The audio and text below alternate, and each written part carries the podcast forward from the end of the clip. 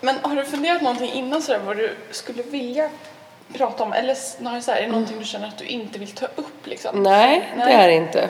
Mm, Jag skrev till Christian eh, att jag skulle kunna prata om, men ja, eh, mm, det som hände mig efter att jag hade fött barn via kejsarsnitt, att jag blev sjuk. Okej. Eh, Men jag har också tänkt att så här, liksom på ett vis kanske det blir för dramatiskt. Eller för, förstår ni jag menar? Att så här, sorg på något vis ändå kanske är någonting som ni tänker att man, att man, det är någonting man bearbetar och det är någonting som pågår under en längre tid. Och det här blir på något vis som en dramatisk händelse fast det var ju också jättemycket sorg inblandat i det liksom. Och det var ju någonting som bearbetades och någonting som jag tänker att jag bearbetar fortfarande verkligen. Så att man kan ju fokusera på den biten. Ja. Ja, Vi har ju liksom inga mallar så. Och det är det som är hela grejen med Sorgpodden också. Att Vad har personen i fråga för relation till sorg? Sin egen relation, sin egen syn på sorg, sitt eget sätt att hantera sorgen. Eh, hur har det funkat med liksom, miljön runt omkring i den här sorgen, efter sorgen, innan sorgen. Så att vi är sjukt fria liksom i... Vi har inga så här Nej, och det, styrningar. det får liksom. alltså, man tänker ju oftast på en förlust av en person eller något sånt där, men det, det ska det inte behöva handla om heller. Nej, precis. så. Ja, precis. Men jag tänker att det kan handla om att eh, just då var det ju väldigt mycket att jag, att jag tänkte att jag skulle dö. Liksom. Alltså, och, och att ha varit så nära det att man tror att man ska dö. Och det händer ganska mycket med en efter det liksom. Och typ hur man ser på livet och, och så. Som känns som en stor sorg att man ens liksom har behövt, behövt ta det liksom. Redan nu. Och i samband med en sån händelse som att föda barn. Mm. Så jag tänker att vi kan prata om det. Absolut. Vi köper det. Vi köper det.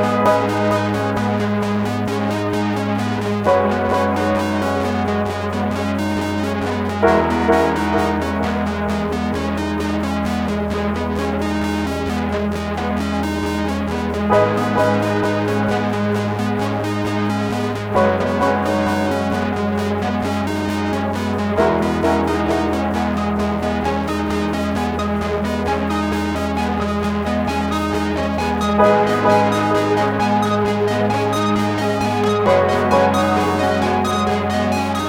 Du har kommit till Sorgpodden med Desiree och Christian.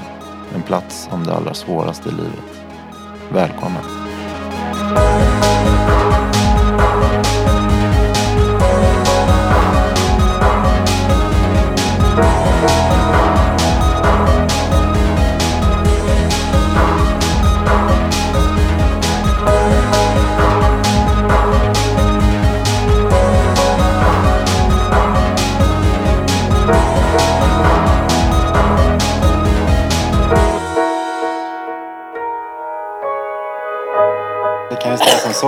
Vi sitter den här gången i en studio i Örnsberg och det är Ann-Sofie Lundins studio. Eh, Ann-So som också känns som min stora sorg och eh, vi kommer prata just om, om Ann-Sos stora sorg. Eh, och hur den har påverkat henne i, i hennes vardag. Så jag tänkte vi, vi har ehm, mejlat lite fram och tillbaka till varandra och pratat lite om vad, vad man kan prata om i det här sammanhanget. Och då, då nämnde du just det här med eh, förlossning och vad som hände efter det. Och det får du gärna berätta lite mer om. Hur, mm. Ja, men jag blev, eh, mm, jag blev igångsatt. Jag hade gått över tiden två veckor. Det här var alltså eh, 22 oktober 2013. Så typ nästan precis två år sedan. Ehm, och då när man går över tiden så blir man ju igångsatt helt enkelt. Och här i Stockholms län är det exakt två veckor. Så då liksom får man typ tabletter som sätter igång det på något sätt och dropp och grejer. Ehm, och mina verkar satte igång. Ehm, och jag fick ganska mycket verkar men jag öppnades nästan ingenting. Och de fick sätta igång vattnet och eh, märkte att det var någonting knas liksom. Så jag blev akut snittad. Eh, och allting gick väldigt bra med det. Alltså jag blev snittad och eh, min son som kom ut var frisk och jag kände mig väldigt så här att det var väldigt odramatiskt att bli snittad på något sätt och var, var väldigt, väldigt glad. Det tog sjukt lång tid för mig att få tillbaka all känsel i kroppen. Jag tror jag var, låg på uppvaket i så här sju timmar eller någonting, vilket är lite ovanligt. Men, men det kändes väldigt bra. Men sen var jag liksom... Och grejen är att jag har inte fött barn innan och inte gjort någon stor operation heller. Så att man, har ju, man vet ju verkligen inte hur det ska kännas. Liksom. Och jag mådde ju jättedåligt, som man gör efter ett snitt. Liksom. Man kan inte resa sig upp. Och, men jag var verkligen så att, mm, att eh, jag tyckte att det var kvavt hela tiden. Och klagade väldigt mycket på det. Att det var så bara, men gud öppna fönstret typ. Och alla var så här, ja, ja liksom. Och det var sjukt mycket folk där liksom. Jag känner mycket folk och är så här, klart alla ska komma. Så det var som, det var hela tiden minst fem personer inne på vårt rum. Um, men ja, jag mådde konstigt liksom och var väldigt förvirrad. Och jag fick ju också såna här um, tabletter, alltså väldigt starka smärtstillande och slutade med dem för att jag kände mig så himla förvirrad och var så här, uh, tyckte att andningen var knasig liksom. Men jag tänkte väl att det var ett allmänt tillstånd. Uh, sen så när det hade gått ett dygn typ så kom en barnmorska och frågade om vi ville bli flyttade till um, BB-hotellet. Um, och jag hade ingen aning om vad det var. Uh, alltså jag visste verkligen ingenting. Vi var så här, vadå BB-hotellet typ? Mm. Och så var de så här, ja men det är mycket bättre än här på BB. Det är så här, det är som ett hotell fast det finns, det är precis som här fast det är typ bättre sängar och bättre mat. Och då var jag så ja men absolut om ni säger det så. Och sen så visade det sig att det här BB-hotellet verkligen är ett hotell liksom. Eh, Årstavikens hotell som eh, liksom ligger vid Södra BB. Som liksom är till för eh, förlossningar där det har gått bra. Där man är så här, eller patienter som har varit med om vad som helst som är så här, ja, men nu är allting bra men man kanske ska vara kvar på sjukhuset en dag till eller någonting. Men det var värsta platsbristen liksom, så de var ju bara tvungna att skicka dit folk. Så där började liksom en stor liksom svacka på något sätt. För att jag kunde ju inte gå så jag blev liksom körd till det här hotellet i en rullstol. Vilket också var så här, man bara, fast om en person inte kan gå, då kanske den inte ska bo på ett hotell kan man tycka. För det är verkligen ett hotell. Det är så här konferensgubbar där liksom i korridoren som man delar med. Och det är inga läkare som går ronder eller någonting. Eh, så jag, var, jag bröt ihop när vi kom dit liksom. Alltså jag bröt ihop helt från att ha varit jätteglad så bröt jag ihop helt och hållet när vi kom till det här hotellrummet. Och var så här, jag, jag kan inte vara här. Och jag kunde inte förklara vad det var eller så. Men jag var bara så jag kan inte vara här. Jag är inte redo för det här. Och, eh, och det gick inte att göra någonting åt det. Liksom mina kompisar var där och min kille var så här, hon måste. De gick ner på avdelningen och bara, ni måste ta tillbaka henne. Och de bara, nej det går inte. Det, det är så här liksom. Och så var jag kvar där i två dygn och mådde jättedåligt. Eh, men jag visste inte vad det var. Uh, och, På vilket sätt mådde du då? Ja, men jag var liksom förvirrad hela tiden okay. och jag hade liksom tufft med andningen. Men jag sa nog aldrig det kanske till någon. Att det var så här, det är just andningen som känns. För att uh, jag tror inte jag fattade det riktigt. Mm. Jag tänkte nog bara att det var kvavt. Jag tänkte inte att det var jag som hade konstigt med andningen. Men jag var bara så här, shit någonting är fel liksom. Det, men samtidigt, ja jag har gjort kejsarsnitt, alla kanske mår så här. Mm. Men sen så... Dagen jag skulle åka hem då så svimmade jag. Eh, så här light-svimmade. Att jag sa till min kille att nu kommer jag svimma liksom. Och så la jag mig på sängen. Så det var ganska odramatiskt.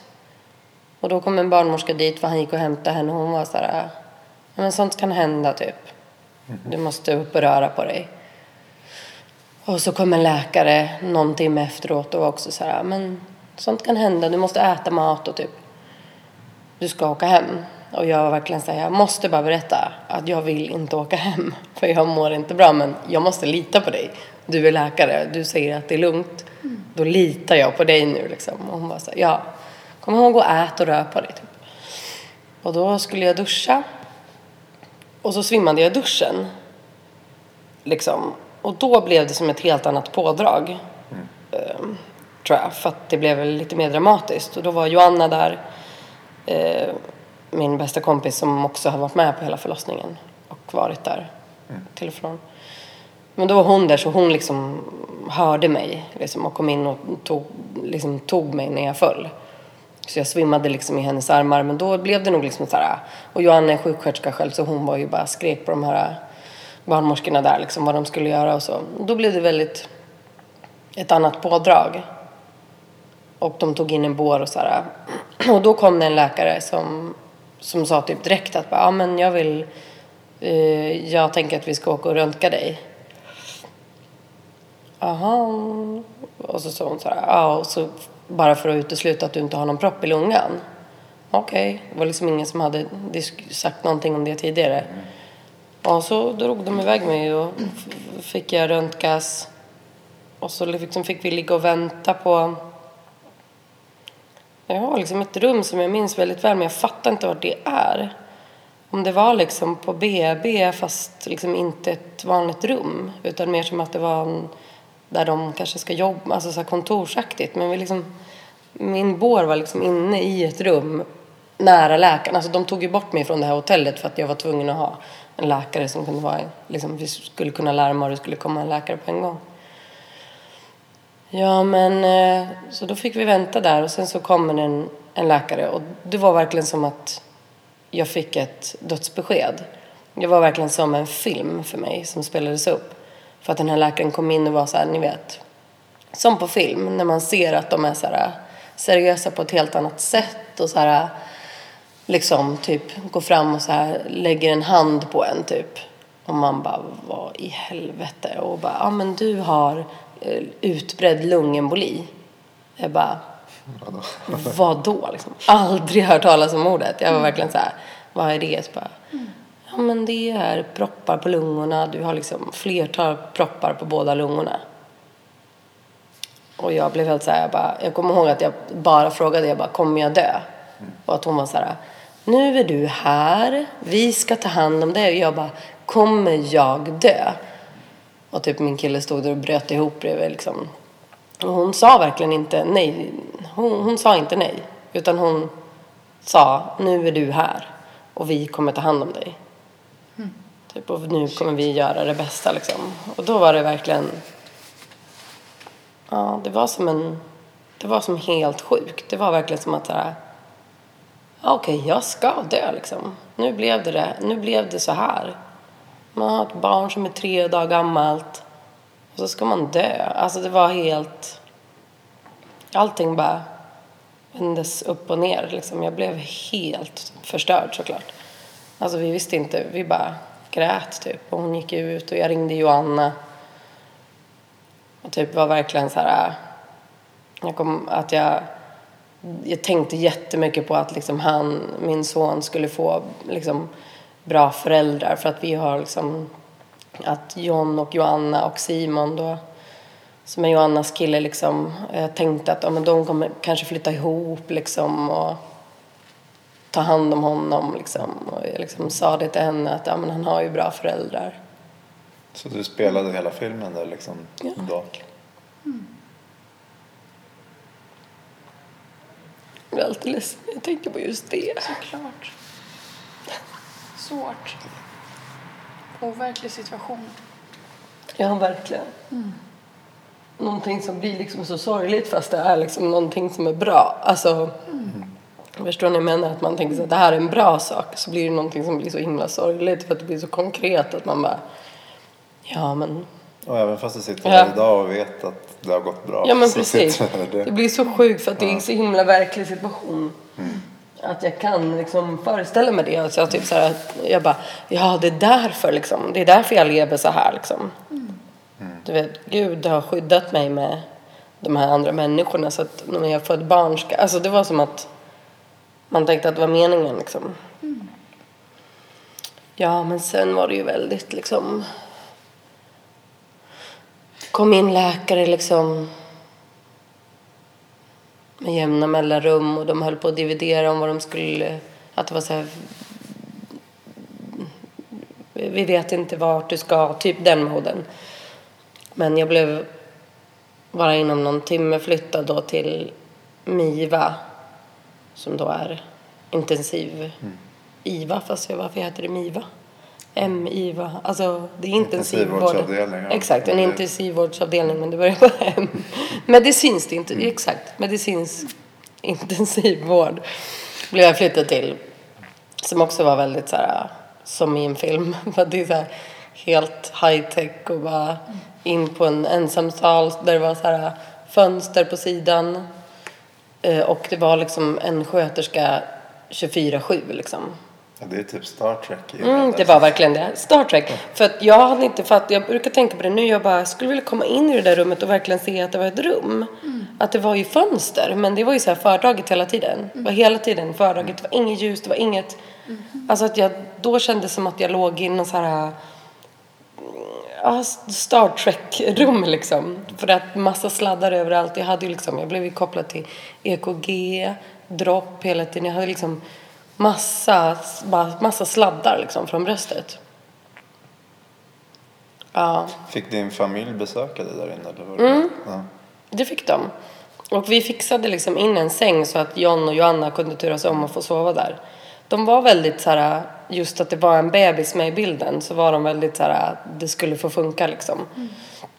Att eftersom att han, det var, de tycker att det var vik- viktigt att han var med mig.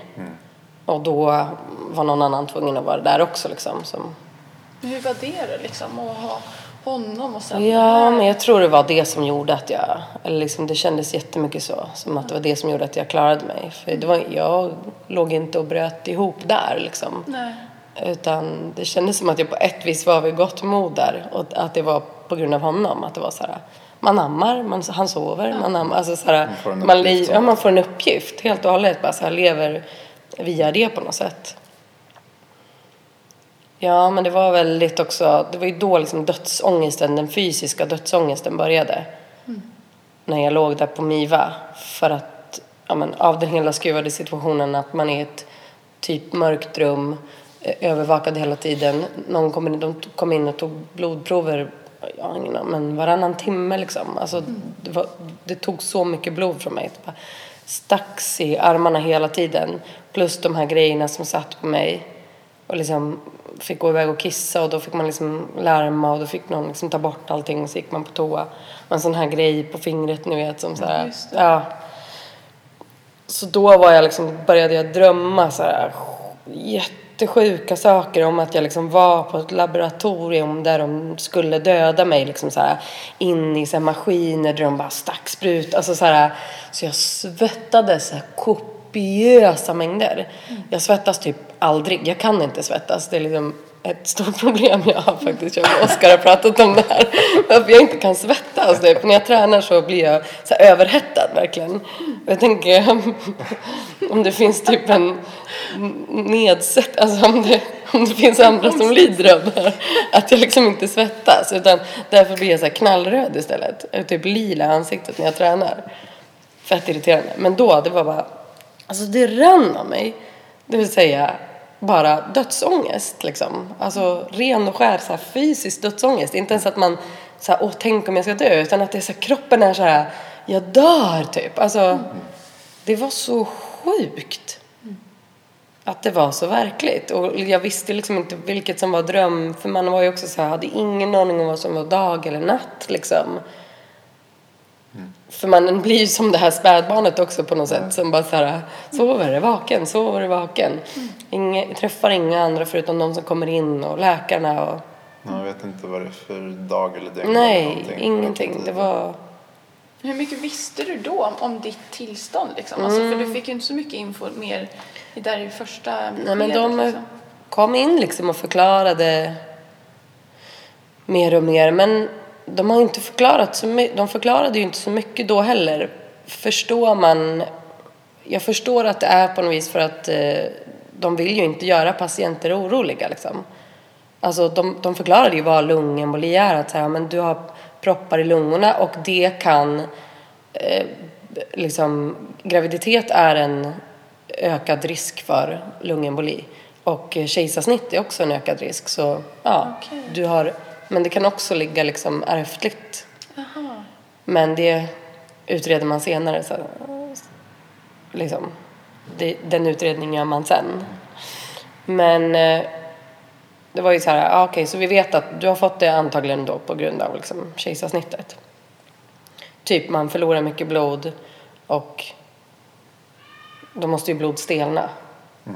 Och så stelnar det kanske för fort och då Mm, koagulerar det. Och det är det, stelnat blod som blir proppar då helt enkelt. I lungorna. Exakt. Och det kan vara så att det så här kan börja på andra ställen. Men mina har antagligen bör, liksom, kommit direkt i lungorna. Liksom. Men eh, man frågar, alltså de säger ju inte så mycket mer. Liksom.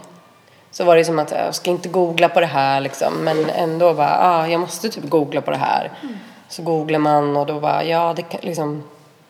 Det som, det som man är rädd för är ju att de här propparna ska sprida sig. Ja. De kan ju sprida sig till hjärtat eller de kan sprida Att sig till hjärnan. åka- Ja. Ja, just det. Och det var ju det såklart liksom de var rädda. Alltså det var ju därför jag var... Jag hade, fick ju då blodförtunnande liksom in, in i kroppen hela tiden. Fick du annan medicin också eller? Jag vet faktiskt inte. Nej, jag fick nog blodförtunnande bara. Och liksom smärtstillande. Du, Jag tänkte, jag tänkte backa bandet lite. Till de här tre dagarna där innan du liksom kraschade i det här. Hur, ehm, hur var kontakten med din nyfödda son då? Liksom, Jo. Men Den var bra, men jag var liksom ledsen. Jag var ju ledsen då att det var så här... Fan, att det skulle bli så här. Att den, jag tänkte att jag var en sån person som är så här... Eller jag är en sån person, eller var i alla fall då. Så otroligt så här, lita på sjukvården. Alltså, du vet, folk som går omkring och är gravida och är så oroliga. Jag bara, jag är inte sån liksom. Jag litar på sjukvården, du vet. Så här, vad de än säger så kommer jag ta det. Mm, en epidural, ja, jag tog den. Och du vet, så här, det blir kejsarsnitt. Okej, det är lugnt. Eh, liksom, och så blev det så himla bara så här bortryckt liksom att, att jag blev ett offer liksom för det där. Att, så här, att jag var den här duktiga tjejen, duktiga tjejpatienten. Och blev så här, shit det var därför de flyttade mig liksom. De hade platsbrist och så flyttade de mig för jag var typ den enkla jäveln som inte klagade någonting. Så kände jag. Och var verkligen, jag var väldigt ledsen. Jag fick dit en sjukhussäng, min kompis gick och hämtade en sjukhussäng. Vi liksom bad om en för att jag kunde ju inte resa mig i en vanlig säng utan var ju tvungen att ha en sån här som man åker upp och ner i. Så han liksom gick ner och bara, okej jag tar den här nu. Typ. Gick ner och hämtade upp den. Så jag låg i den och var så här, jag var nog rätt så liksom så här sorgsen att det, att det blev så där ändå. Men, men det var verkligen så där bita ihop modet att man bara, ja. Han, han har kommit och jag var såklart liksom överlycklig för det men Men känner man, Stor känner man sig skillnad. otillräcklig då liksom i den situationen också? Så, alltså, jag har ju inte, jag har varit med vid en, ett gäng förlossningar men jag har ju aldrig varit mamman. Så, Nej. Nej. Jag tänkte inte så mycket på honom. Mer liksom min liksom sorg för min egen skull. Att liksom, varför kunde inte bara det där ruset få vara kvar som, som jag var i? Liksom? Att jag ändå var i ett, i ett rus på BB och var verkligen glad. Men jag har ju också förstått så himla mycket i efterhand att så här, jag var ju sjuk. Liksom. Det var ju därför. Liksom. Jag hade inte brutit ihop annars. Liksom. Man blir ju verkligen som man bara, om ni bara visste vem jag var. Liksom. Om ni bara hade förstått.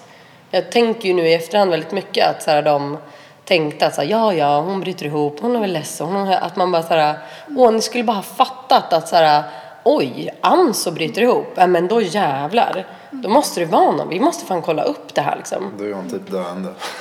Ja men exakt, och så var det. Så det känns liksom...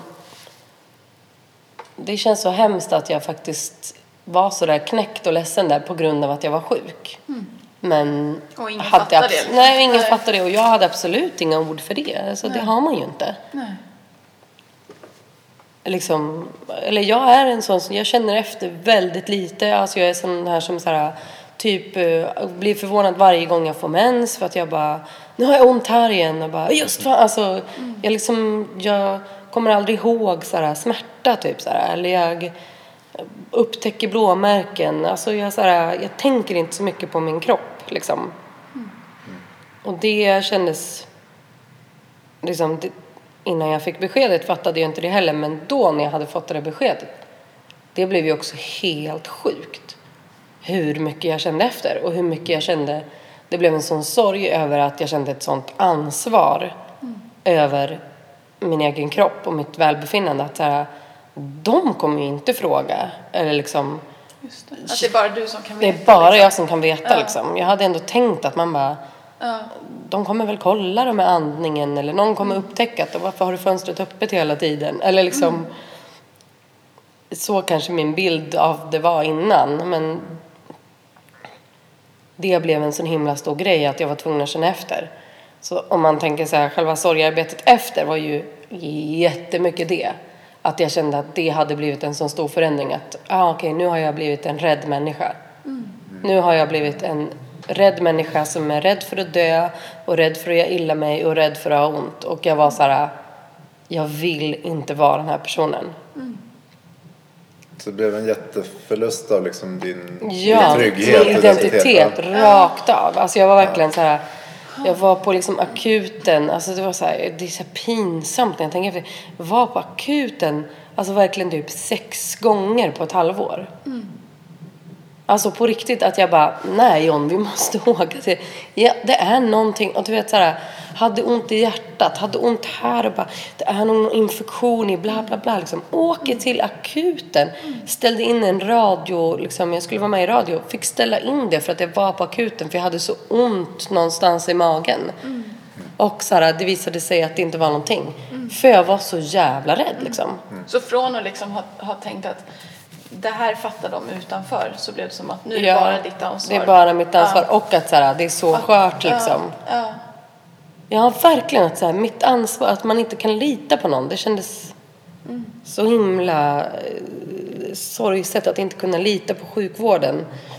Det, det har känts som mitt så här, signum på något sätt. Att jag, att jag litar på folk och att jag litar på sjukvården framför allt. Och, och det kändes som att det bara det försvann helt. Det höll jag ju på att processa jättemycket.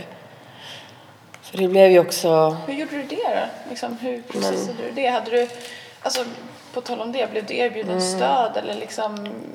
Jag bad om stöd och de sa att det fanns och så. Men sen så gick jag aldrig, tog jag aldrig tag i det. Nej. Det är så här, typ, det är liksom, det känns som att så har det varit. Hela mitt vuxna liv har jag varit så här, fan man borde gå och prata med någon ändå. Så här, alla borde gå i terapi. Fan borde gå i terapi. Och så får man ett nummer och så, så här, är man så här, "Ah, det blir ju bättre. Apropå att jag inte är sån som, jag kan vara inne i sån jävla mörk period, sen när det blir bra, jag bara, det är bra, det är lugnt. Och då behöver man inte hjälpen längre. Liksom. Nej, precis. Då behöver man inte hjälpa längre, tror man. Nej, men jag var väldigt... Jo, alltså jag träffade ju mycket liksom, eftersom att då efter att jag blev... Jag var inlagd då i, i två veckor och då pratar man ju ändå mycket med liksom, då pratar man ju mycket med barnmorskorna och liksom får mycket hjälp av det och så här. Och det vi ältade väldigt mycket då, det var ju verkligen att det hade begåtts ett fel mot mig. Att jag hade blivit flyttad på. Och det var som en, det var en ganska stor grej på sjukhuset att det hade hänt liksom. Det var ändå väldigt så här, alla barnmorskor var medvetna om det. Vi fick liksom ett jättestort rum typ när vi kom. Och, det var så här, och liksom alla barnmorskor som kom in var väldigt så här, vi vet att det är du och vi är så himla ledsna över att det här hände. Ehm, och eh, det borde inte ha skett och jag fick liksom reda på då att så här, en avdelning hade lagts ner. Barnmorskorna hade liksom bara demonstrerat och bara protesterat. Bara, Ni får inte lägga ner. Vi har inte så pass många lyckade förlossningar inom citationstecken så att ni kan liksom stänga ner en hel avdelning. Och så gjorde de det ändå. Och så skedde mitt fall verkligen typ så här, Precis. en vecka efter.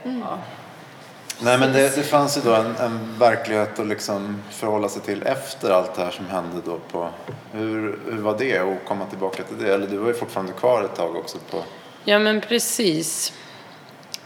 Jo, men om, apropå att liksom prata med folk eller att eh, få hjälp. Så var det ju som att det blev en, en, en process för mig att eh, liksom använda det konstnärliga i det hela.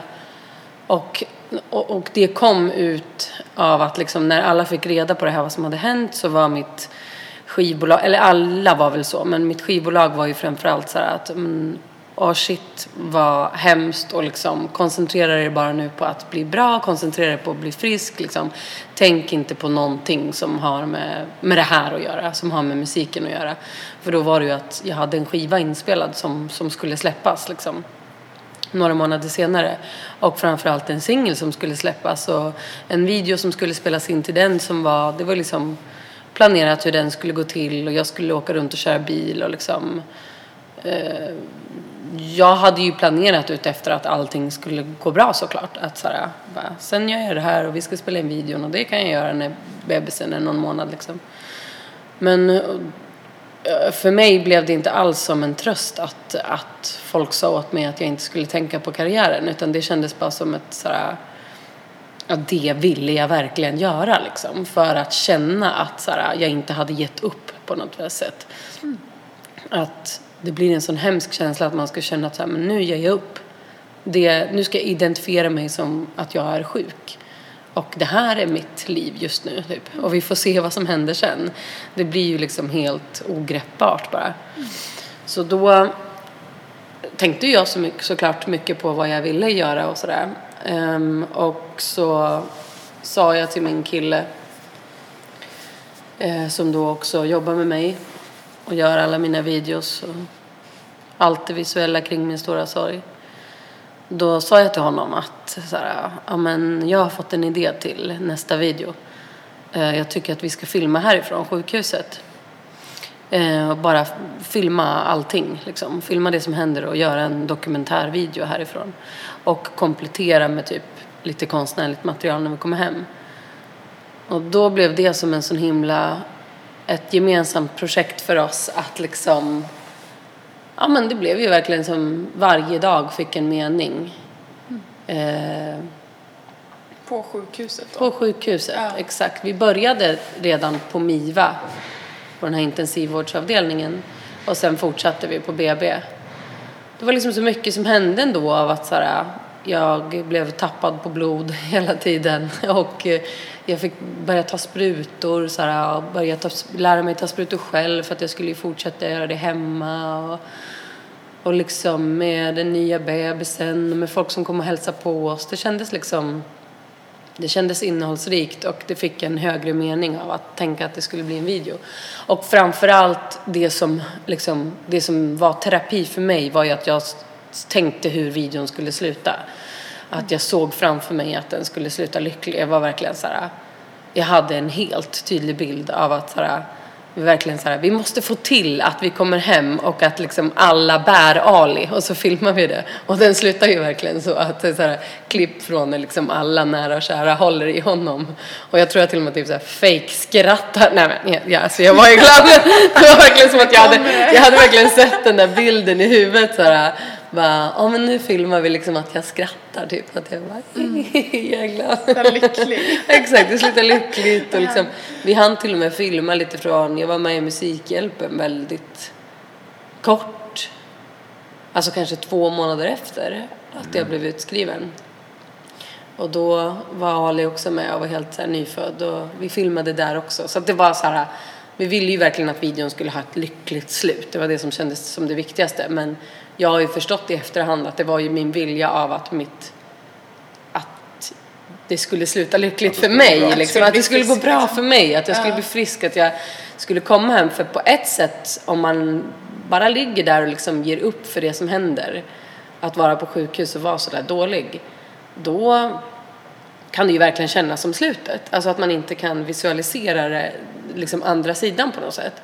Men nu genom att liksom använda konsten på något sätt så, så kunde jag verkligen visualisera för jag vet hur en sån video ser ut typ. Jag vet hur det liksom är men jag vet inte hur det är att, att bli sjuk och vara inlagd. så det hjälpte ju mig verkligen. Så jobbet blev på något sätt en räddning. Men det Ja. är ju ett jobb som du också är din passion. Ja, Alltså liksom att verkligen. Jobbet det är blev så min räddning. du tar hand om dina känslor. Ja, jättemycket. Ja. Och så är det ju. Det så har det ju fortsatt liksom. Och eftersom att om man tänker i, i all min sorg liksom, eller allting som jag går igenom bearbetar jag ju verkligen på det sättet att jag, att jag skriver musik på det. Eh, det, är ju, det är ju mitt sätt att jobba. Jag kanske inte ska banka huvudet i väggen så mycket för att jag typ inte går i terapi. Kände jag nu. Har jag faktiskt kommit på nu via att vi pratar om det här. För att liksom, ja men man kan ju bli väldigt så att liksom så här, åh jag, inte, jag tar inte tag i det eller jag borde, jag borde. Men vad fan, jag gör ju verkligen det Ja, liksom. precis. Jag pratar ju verkligen ut mina, liksom, delar med mig av mitt innersta liksom. Och det är klart att det blir terapi. För att på något vis så berör det andra då som säger till mig att de har blivit berörda av det eller att det har hjälpt dem eller att det, alltså, så det är ju som något som bara självhjälpsprojekt. Ja. Men att det sker en ständig bearbetning. Ja men det gör ju Ja. det på något sätt liksom att även när man, om jag spelar och har liksom en så här mm, bara party, rolig stämning så är det ju ändå på något sätt ett så här ett uttryck liksom, ett känslomässigt uttryck som pågår och som blir väldigt liksom som blir väldigt stort och eh, framförallt bearbetat, ja. Tror du att det innebär någonting också att liksom, det kanske blir en ledande fråga, men just att få lite rutin i vardagen och liksom få en mening i en ganska meningslös, eller en tillvaro där man inte har någon, någon struktur. Liksom. Du är utlämnad till andra folk, att de ska bedöma hur du mår. Och, Vad då på sjukhuset? Ja, på sjukhuset, Ja, verkligen. Jättemycket så. Så blev det ju verkligen. Att så här, och för det första att liksom på något vis få tiden att gå. Att liksom ha ett, eh, att ha ett projekt varje dag och liksom som du äger. som jag äger, ja. Exakt. Verkligen. Man, det var ju väldigt utelämnande. Och framförallt liksom viktigt för mig att tänka på någonting annat. För att när man är i det där läget liksom, så um, det hjälper ju inte att tänka. Liksom. Det var ju alltså, väldigt mycket av min sorg där och då var ju verkligen det här som hade hänt. Alltså typ ö- känslan av ö- övergrepp som det blev för mig att, att det där felet hade begåtts. Alltså att jag hade flyttats på. Det var ju det som malde i mitt huvud. Självklart också att jag liksom var rädd och kände efter och så men också att, så här, att de faktiskt flyttade på mig. Liksom att man blir så här ja men det blir ju en sorg men det blir också som någonting som man bara maler och maler och maler liksom bara, hur fan kunde det hända liksom, hur är det möjligt och tänk om, tänk om jag hade varit kvar, om jag hade bara fått lägga kvar och träffat läkare oftare så hade det här upptäckts och om jag bara Ja, det kan man hålla på och älta hur länge det kan man hålla på och älta hur länge som helst och till vilken mening liksom. Sen så skrev jag ju också ett, eh, alltså när jag kom hem så anmälde jag ju sjukhuset. Uh, gjorde en sån här, va? Alltså, Lex Sara eller vad det heter? nej. Man kan skicka liksom till eh, Var det till patientnämnden? patientnämnden. Exakt. Jag gjorde en anmälan till patientnämnden. Och det på ett vis tror jag att det också blev som en, en väldigt bra bearbetning för att då skrev jag liksom, fick skriva allting liksom från första början. För att absolut, det är klart jag pratade med folk om det men man, man orkar ju liksom inte, man vill inte tynga folk och man vill inte älta och så det var väldigt bra för mig att bara få ner det liksom på text och, och då kunde jag också typ visa det för nära och kära. Och om, om folk ville veta så bara kolla här, här. Jag har skrivit händelseförloppet liksom. Klockan 05.00 frågade de. Ja, men det var ju väldigt viktigt för mig. Och det fick jag även rätt i. Bara nu för någon månad sedan fick jag ett meddelande om att jag hade fått rätt. Att liksom, de bedömde det som att ja. Så De hade De gjort fel. de hade gjort fel. att De de- erkände att Ja. de, de hade gjort ett fel. De blev ju granskade och så läste de igenom alla journa- journaler. Och liksom hela poängen är att om de här propparna hade upptäckts tidigare så hade det inte behövt blivit en sån här stor och allvarlig grej som det blev nu.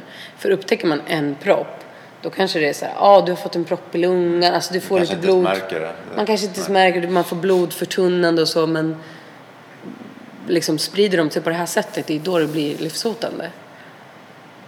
Bidrog Ja. det till att du liksom kunde släppa det mer också? Just att du skrev ner och nu när du faktiskt fick en Mm. bekräftelse på att det var... Jo, men att jag skrev ner det betydde väldigt mycket just då faktiskt. Jag kände ju att jag behövde göra det. Sen att jag fick rätt, jo men det var också väldigt skönt såhär. Eh, apropå att min självbild också, att min självbild av att vara den där personen som inte är mjäkig eller gnällig eller klagig var väldigt, det, det, det blev så här, nej just det liksom, de gjorde faktiskt fel, det var inte jag som var liksom en tönt typ. Men för jag tänker på det som du sa tidigare med att du hade liksom... Det var en del av din identitet att du litade på vården, du litade på systemet, du litade, och, och du liksom var inte sen med att förklara det för folk. Och, och sen helt plötsligt så hamnar du i den här situationen. Och så, Ja, men där har det ju förändrats mycket, det har det ju. Tyvärr liksom. Och det är, det är ju som det är. Det får man ju också bara typ försöka bearbeta. Att det är en, en sorg liksom. Eh, Och den kommer ju inte försvinna. Liksom den känslan av att jag faktiskt inte, att jag måste ta lite mer ansvar, att jag måste vara lite mer så här, liksom eh, inom citationstecken gnällig liksom. det, det, så är det ju bara. Det måste jag göra för min typ egen hälsas skull typ och min egen liksom. Att du inte kan förlita dig liksom på andra. Nej men precis, Nej. att jag måste vara lite mer så här Uppmärksam. kanske uppmärksam och liksom så här stå på mig typ i sådana situationer att så här, visst jag behöver kanske inte ändra på min sida att jag behöver inte typ, jag är sån som inte klagar på mat heller om maten är konstig eller så här. Men det behöver jag inte ändra på för det, det så får jag fortsätta vara, alltså med sig i en sån situation. Men jag behöver faktiskt ändra på den sidan att liksom om, om någonting händer med min kropp eller i nästa eventuella graviditet så får jag vara jävligt uppmärksam och jag får fan typ såhär Kommer någon fråga mig om jag vill flyttas till ett BB-hotell så kommer jag då visar liksom du din lugn. vägra men liksom verkligen knyta fast mig vid sängen nästa gång. Nej men typ lite så. Att stå upp mer för det du känner, att lita mer på Ja, det. lite mer. Eller liksom, det handlar inte ens om att lita, det är ju så svårt. Men Ja. man vet ju ingenting. Du Och jag tror verkligen att jag mer bara så här, det är så himla så ett sånt, att man, man har det som personlighetsdrag ni vet. Att man är en sån som bara säger nej men jag gör inte så. Alltså jag är så här, jag är så lätt, jag är lätt att ha att göra med liksom. Att det är så här, sån himla identitetskris att behöva vara en sån som typ krånglar i sådana situationer. En liksom. jobbig jävel liksom. Men nu är det bara, det måste jag, det måste jag få tillåta mig själv vara. I fortsättningen. Men jag tänkte när ni kom hem sen liksom, Mm. sköljde det över er på något sätt? För ni sen bearbetade ni väl, Mm. ni gjorde ju klart videon och allting. Kunde ni känna liksom att det kom över er så att man sa shit, det här har vi verkligen varit med om? Mm. Liksom. Eller, eller kändes det som att ni hela tiden accepterade, eller inte accepterade, men förstod vad ni hade varit med om? Eller Nej, typ men det kom nog över oss. Framförallt med videon var det ganska mycket så att folks reaktioner på videon gjorde att man själv blev så här... eh, Alltså vi fick så himla kraftiga reaktioner, både från folk vi känner och från folk vi inte känner. Så att då blev man också så här, oh shit liksom, vad, vilken stor grej så här. Men sen Var det positiva reaktioner? Eller var det liksom... Ja men det var det verkligen. Alltså det var någon, jo men det var det verkligen. Det var en jobbig grej. Som hände. Det, jag spelade i Umeå då mm, projicerades den här videon. Under låten så projicerades videon på en storbildsskärm. Och då, då fick jag ett meddelande sen av en tjej som hade varit på konserten och som hade fått liksom trauma av videon för att hon hade varit med om en väldigt jobbig upplevelse. Och eh, eh hon blev väldigt så här, hon, hon, hon tänk, kände att videon han, handlade om henne själv och liksom det blev totalt trauma för henne. Så hon typ kollapsade på toaletten efter konserten. Alltså det var så här, det var jättehemskt. Ja, det var så här, och liksom hennes historia slutade inte lyckligt så som den här videon slutar. Vilket gjorde att det blev som ett eh, verkligen slag i ansiktet för henne tror jag. Så hon, hon, jag kan verkligen förstå, alltså hon, hon, hon fick ju bara trauma och, och blev lite sådär, alltså så här, hur kan du göra så här? Det, det här, så här kan man bara inte göra liksom. Men eh, det gick bra också. Liksom, min första reaktion blev ju så här, okej, då måste jag ringa upp henne, okej, och sen bara, nej, det måste jag ju inte liksom. Jag, jag, jag, jag kan svara och jag kan försöka förklara och berätta men, men eh, liksom, jag, har, jag har faktiskt inte gjort något fel. Liksom. För det här är ju min historia. Men, eh, men det gick jättebra och hon har liksom gått på andra konserter efteråt och sådär och liksom, vi har fått en, fått en fin kontakt efteråt. Men det var ju lite, det var ju ändå en, en negativ reaktion om man säger. Men annars så har vi ju bara fått eh, fått väldigt liksom re, bara starka reaktioner rent allmänt att folk, folk har blivit liksom berörda. Sen skrev jag ju en till låt om hela situationen på det senaste albumet som heter Gud gråter och den, handlar ju mer om liksom hela hela om, om tiden när jag trodde att jag skulle dö helt enkelt. Men, men skriven liksom ett år senare på något sätt. Så att, så att det ändå så här finns någonting. Det är den, där är bearbetade känslor på något vis. Men eh, den behövde jag ju också skriva och få ur mig. Ja. Ja, just det, för den handlar ju mycket om det här med att, att eh, din son skulle liksom landa i, Ja, i precis. Något, bra ändå. Exakt. hela Den grejen. Ja. Att det ska gå bra för alla andra när jag är borta liksom. Exakt. Men... eh, Kan du uppleva att du, eller har, har ni känt någon gång att det blir som en återupprepning av det ni har varit med om på, på något negativt sätt? Kan ni så här att ni fortfarande kanske får nya reaktioner men att ni känner att ni har gått vidare? Eller känns det bra att det lever med er? Att det liksom är levande liksom eller? Men för mig har det nog känts bra att det är levande med mig. Det gör det faktiskt. Liksom, för jag vet, alltså jag eh, fick ett missfall för flera år sedan. Och då gjorde jag inte musik själv och skrev inte om det själv. Och, liksom, och det, en, en av de största grejerna för mig då, det var att det bara så här försvann. Att det var så här, man bara okej, nej men det där glömde ju alla på en gång liksom.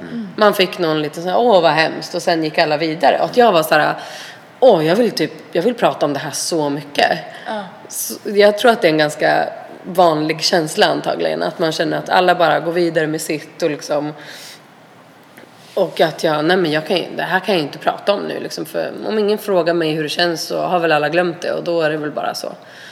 Ehm, det tyckte jag var jättejobbigt. Så det här känner jag ju att här, ja, jag, kan, jag pratar gärna vidare om det här för det hjälper ju mig. Ja.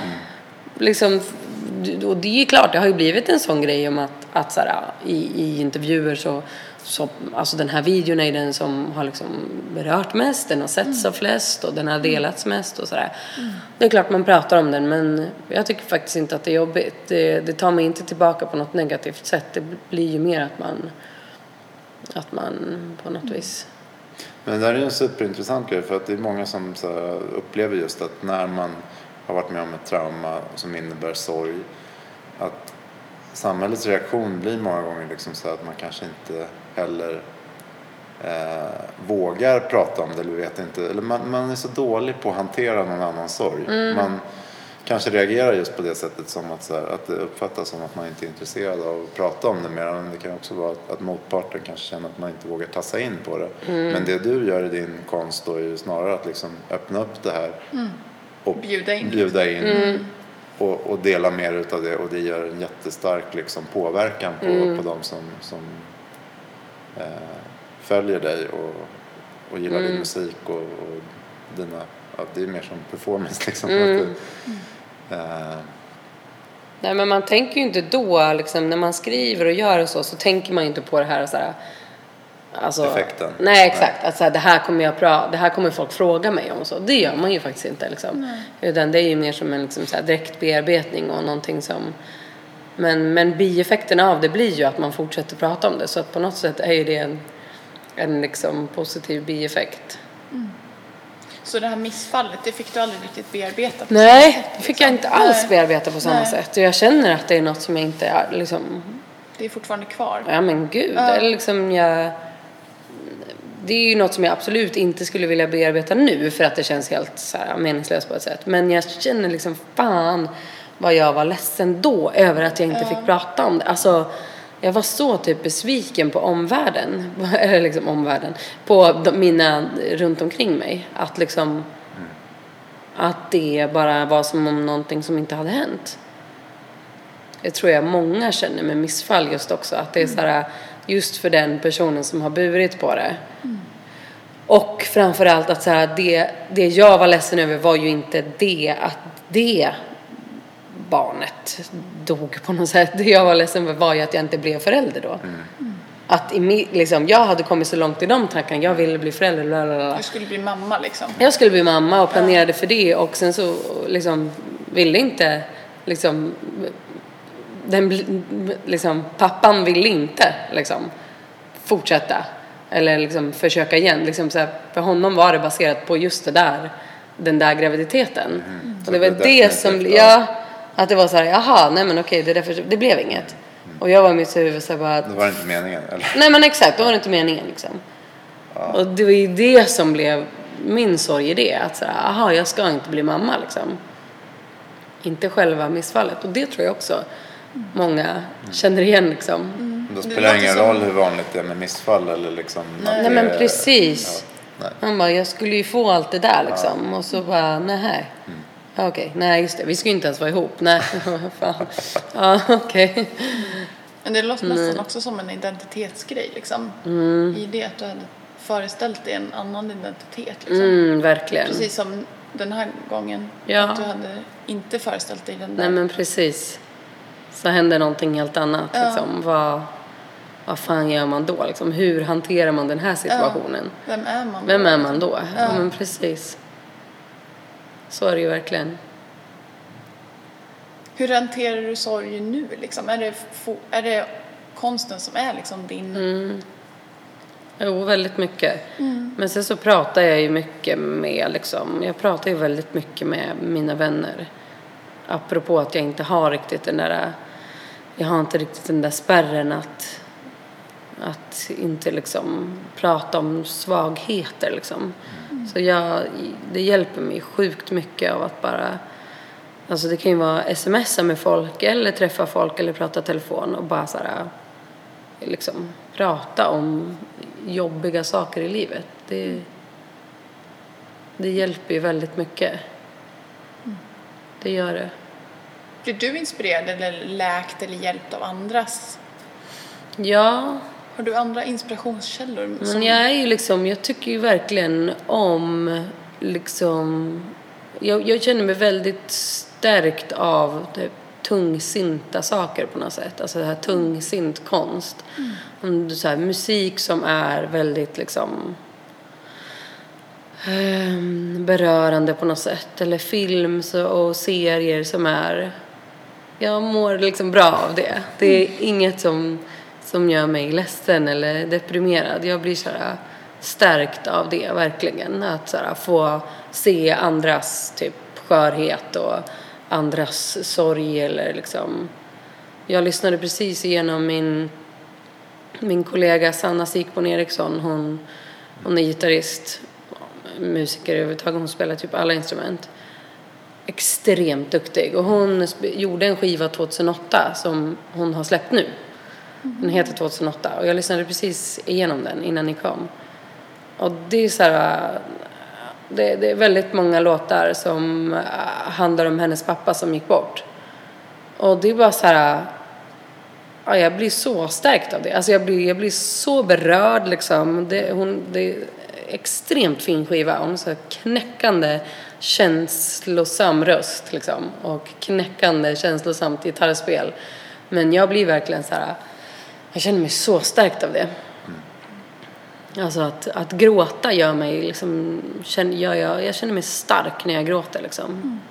Jag, jag känner jag blir liksom inte så här låg av det på något, något, något sätt. Nej. Ja. Det är väl därför jag heter Min stora sorg också. Jag berättar om namnet. Jo, men jag, det är verkligen för mig någonting som, som känns mäktigt och stort. Liksom. Alltså jag ville på något vis ha ett namn som känns mäktigt och stort när man bara hör namnet. Att bara namnet ska kunna förmedla någonting som känns så här, oh, shit, det här är inte, liksom, det här är inte små saker. Alltså det här är på allvar liksom och det är stort. Jag vill liksom inte egentligen att folk måste koppla det till sorg eller liksom depression eller liksom dåliga saker. Snarare att det ska kopplas till något allvarligt och stort och mäktigt liksom. Så något seriöst. något seriöst på något sätt. Och är Så här, viktigt, viktigt liksom och då som sagt, det kan ju vara även liksom att, så, att, att så här, glädjen är fullt ut också liksom. Bara, bara stort liksom. Ehm, Jo, för man hajar ju till när man ja ser men namnet. precis. Man, Man har ju glömmer det till. inte. Nej, exakt. Just det. Ja. Ja. Men känner du att det kan, eh, alltså att det namnet eh, ger eh, så här, folk förväntningar på någonting annat? De förväntar sig någon som ska sitta och, och sjunga om, om hur man skär sig i armarna eller är det något, känner du dig begränsad Lite det? så. Jag kan känna mig lite begränsad. Det kan jag. Alltså jag blir väldigt glad när folk reagerar positivt på det. För det gör ju folk också. Alltså så här, det, är ju, det är väldigt många som skriver. Alltså så här, min stora sorg, så här, det mäktigaste namnet. Eller så här, mm, bästa namnet hittills. Många reagerar ju verkligen på namnet och tycker att det är liksom grymt. Men jag tror ju att det finns en massa där ute som jag inte känner till som blir typ avskräckta av det. Liksom. Bara att jag kanske inte nås av den informationen.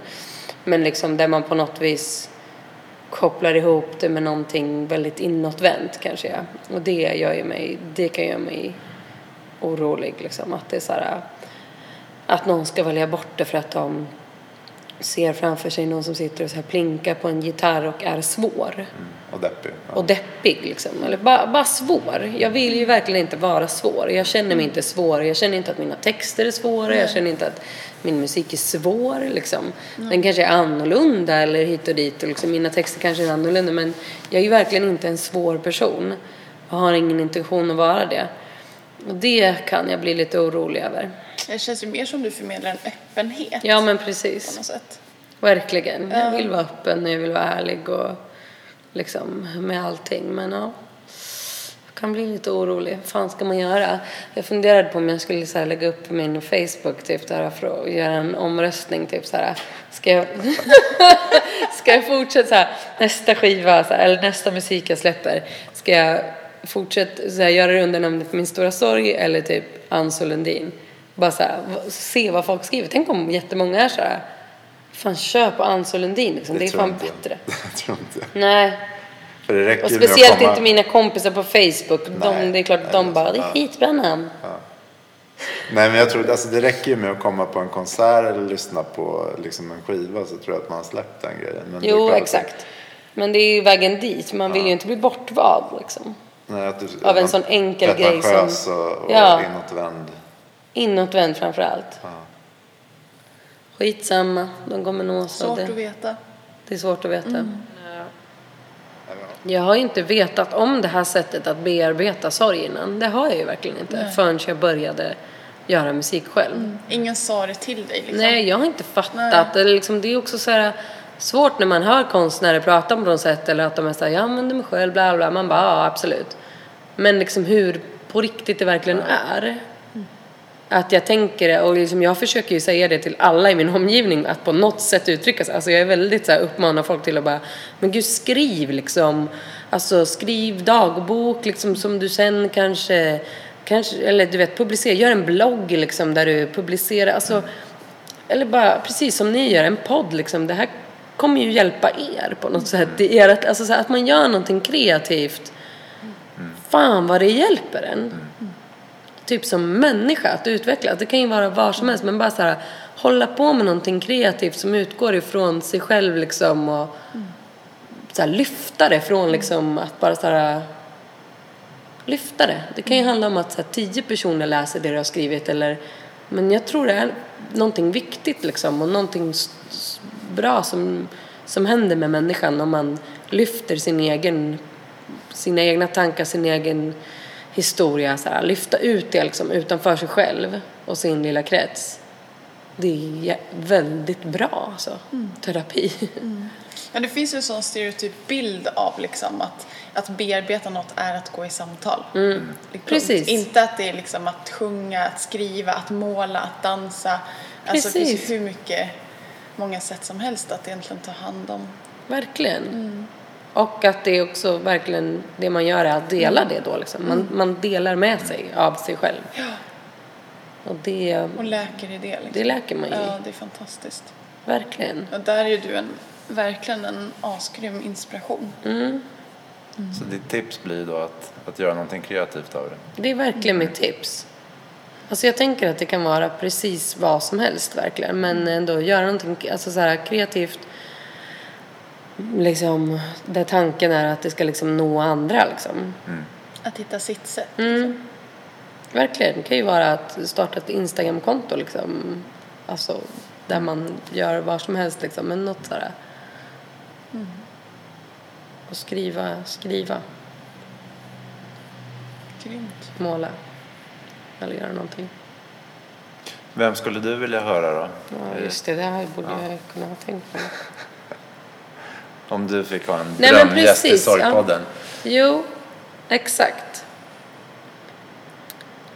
Någon människa som har flytt. Just det. tycker jag skulle vara jättespännande att prata om. Kanske både någon, eller eh, just, kanske någon som har gjort det för länge sedan på något sätt. Som, kan, som, som ändå sitter här och bara säger nej men jag flydde till Sverige för liksom 40 år sedan eller 20 år sedan. Och eh, va, liksom Som kan ge hopp typ eller? man kan ge hopp, precis. Men liksom också, och som också kan, det känns som att det finns så mycket att prata om då. Liksom i så här, sorgen när man inser att man måste lämna ett land, sorgen i att komma till, ett, komma till Sverige och hur allt det känns, sorgen av att liksom bestämma sig att stanna kvar. Alltså, det känns som att det finns så himla mycket.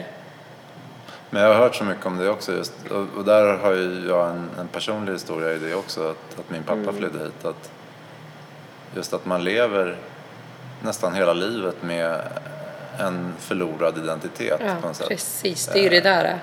Vissa som åker tillbaka då ibland på somrarna för att återuppleva Mm. det här. De lever för två veckor om året liksom. Att de får komma tillbaka och vara Ja. Den personen med den sociala ställningen som man var en gång Exakt. i tiden. Och här kan man ha ett alldeles eh, fantastiskt liv på, på pappret liksom. Att allting finns. Men man har inte den.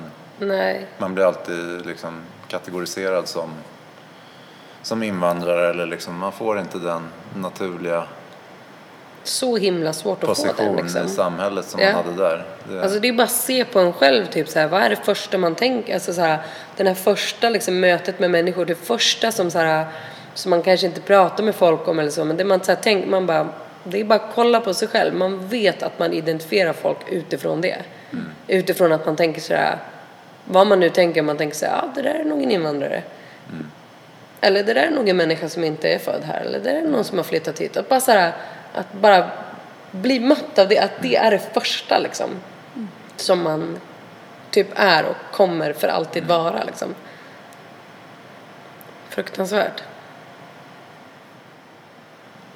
Ja, nej men superhäftigt. Mm. Det är, alltså, gå ut och vara kreativ.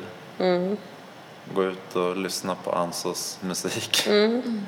Vad heter videon? In, innan du går. Min stora sorg innan du går. Mäktigt. Verkligen. Tack. Tack. Tack till er.